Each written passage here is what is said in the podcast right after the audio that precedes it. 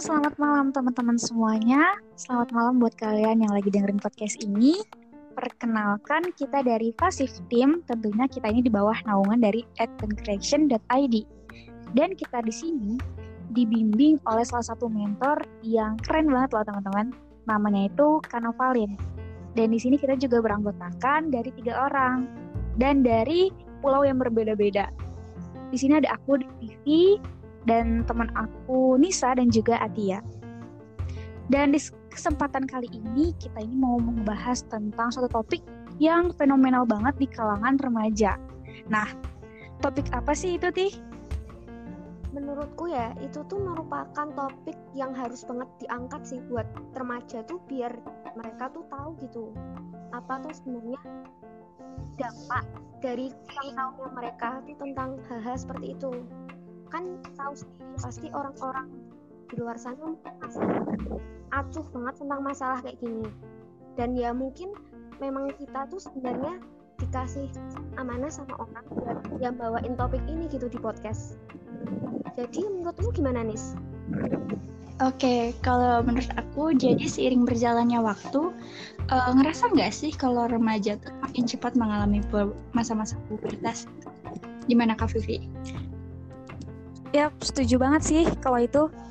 Tapi nih, apa mereka tahu apa yang nantinya akan mereka hadapin ketika fase tersebut datang?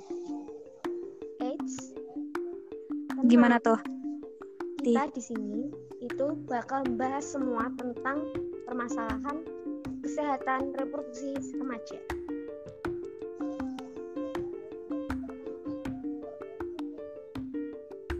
Jadi, Siapa nih yang ada pertanyaan duluan dari Nisa atau Atia? Uh, aku aku aku ada. Jadi gini, gimana sih pendapat kalian tentang kondisi remaja saat ini? Maksud aku tentang kondisi kesehatan reproduksi ini loh. Um, menurut aku ya, remaja ini kan masa transisi antara masa kanak-kanak dengan dewasa, terus relatif belum mencapai tahap kematangan mental dan sosial ya dan berdasarkan pengamatan juga keadaan mereka ini kurang edukasi tentang hal reproduksi ya terutama dan hal itu tuh bisa berdampak besar buat kehidupan mereka gitu. Oh itu ya emangnya apa aja sih dampak yang bakal kita dapat sebagai remaja kalau kita sendiri buta atau masih tabu terkait kesehatan reproduksi itu sendiri? Kalau menurut aku sih ya, karena ada banyak hal yang beranggapan kalau kesehatan reproduksi ini dianggap hal yang tabu, bahkan nggak layak untuk diperbincangkan gitu. Salah satunya kayak itu tuh gak ada gunanya, cuma bikin bahaya, atau justru seks bebas bakal terjadi kalau kita ngasih materi tentang kesehatan reproduksi ini. Padahal enggak, sama sekali enggak. Justru itu akan berdampak berdampak ke kita yang fatalnya bisa menjerumuskan ke penyalahgunaan materi itu. Nah, salah satu penyebabnya terjadilah seks bebas itu ya kalau menurut aku. Nah, di sini peran kita sebagai remaja untuk mencegah uh, salah pahaman ini uh, maksud aku lebih ke meluruskan semua kekeliruan yang semacam ini. Gimana Kak Vivi? Aku sepakat sih.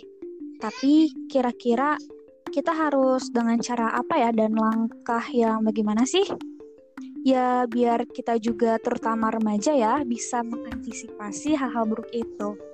Kalau dari yang pernah aku baca dan yang aku ya menurutku pertama kita sebagai remaja itu jangan terlalu menutup diri.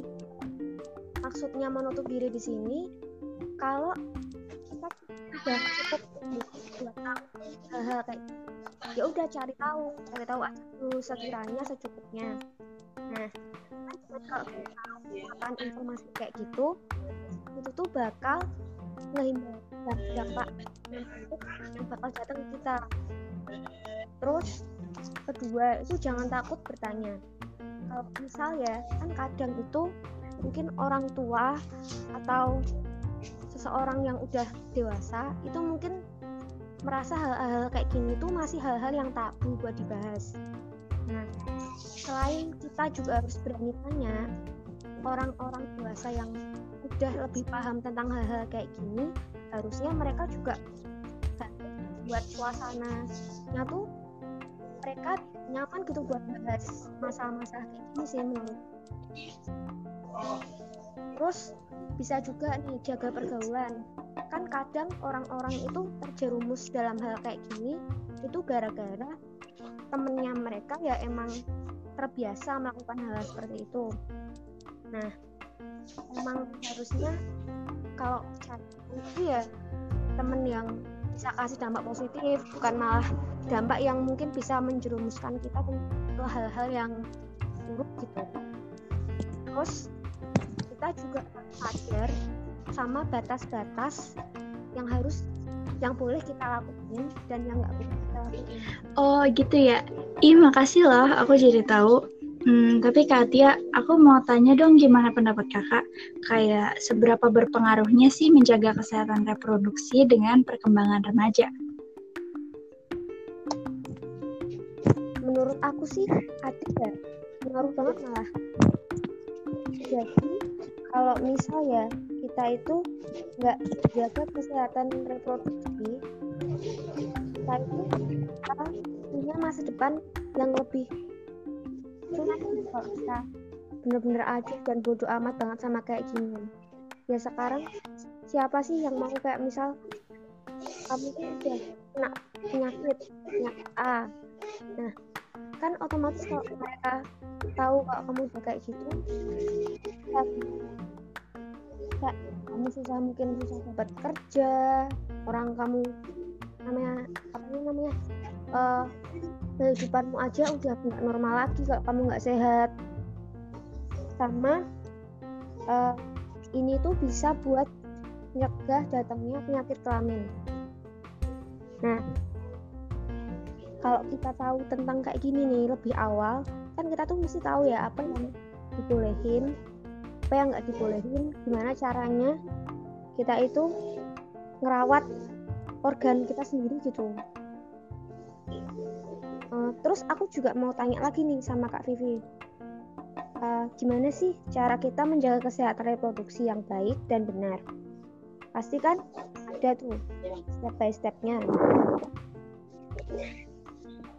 pasti dong ada. Nah cara kita nih menjaga kesehatan alat produksi rep, alat reproduksi kita yang pertama ini kita memakai handuk yang lembut kering bersih dan tidak berbau atau lembab. Yang kedua memakai celana dalam dengan bahan yang mudah menyerap keringat. Yang ketiga kita harus nih ganti pakaian dalam kita minimal dua kali dalam sehari. Buat perempuan sudah buang air kecil membersihkan alat kelamin sebaiknya dari arah ke depan menuju ke belakang. Nah, supaya apa sih? Supaya kuman supaya kuman itu tidak masuk ke dalam vagina. Bagi laki-laki dianjurkan untuk disunat terlebih dahulu gitu kan untuk menular terjadinya penyakit menular. Nah, untuk perempuan yang mulai masuk masa menstruasi juga harus memperhatikan kebersihan alat reproduksi saat menstruasi juga loh. Nih yang pertama, kita harus pilih pembalut yang bebas dari berbagai jenis bahan yang berbahaya. Dan pastinya kita harus menggunakan pembalut yang nyaman saat kita pakai.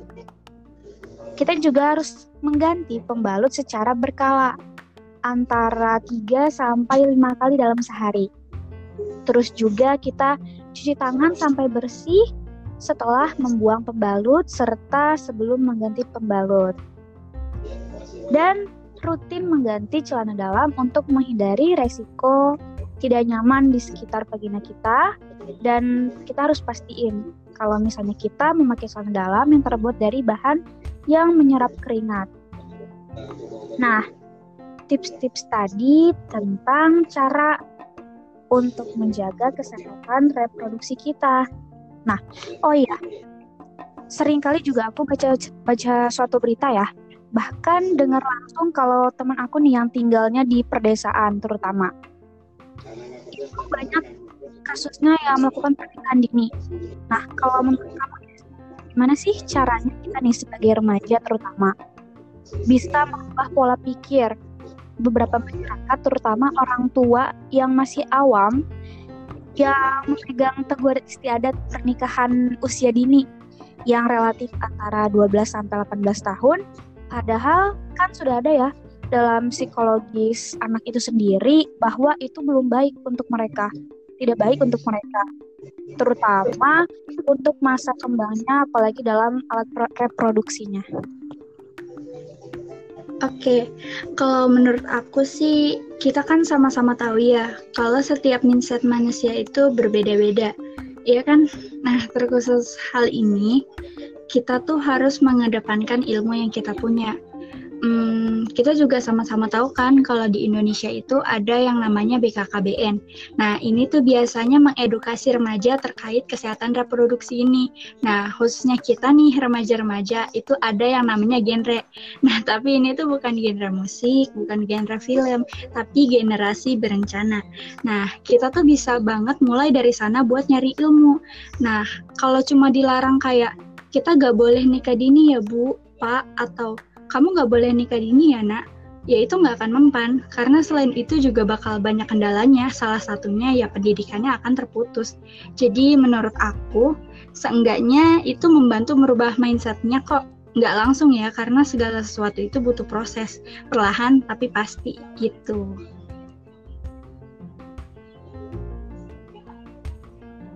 Wah nggak kerasa ya kita udah ngebahas masalah ini kan udah tinggal kerasa sebentar banget. Uh, aku sendiri tuh ngerasa dapat banyak banget ilmu gitu dari perbincangan kita tadi. Keren banget lah pokoknya. Sepakat aku juga. Nah emang harusnya tuh kayak gini gitu. Kita membahas sesuatu yang tabu yang jarang bisa didengar sama orang lain terutama teman-teman sebaya kita. Apalagi kita ngebahas topik masalah kesehatan kayak gini. Rasanya sayang banget kalau udah lewatin, iya nggak? Betul. So, kita juga harus ketemu lagi di lain waktu ya teman-teman. Kita harus bahas rencana yang lain-lainnya. Oke? Jadi, sampai ketemu di season 2 kalau waktu masih ada dan semesta mengizinkan. Dadah.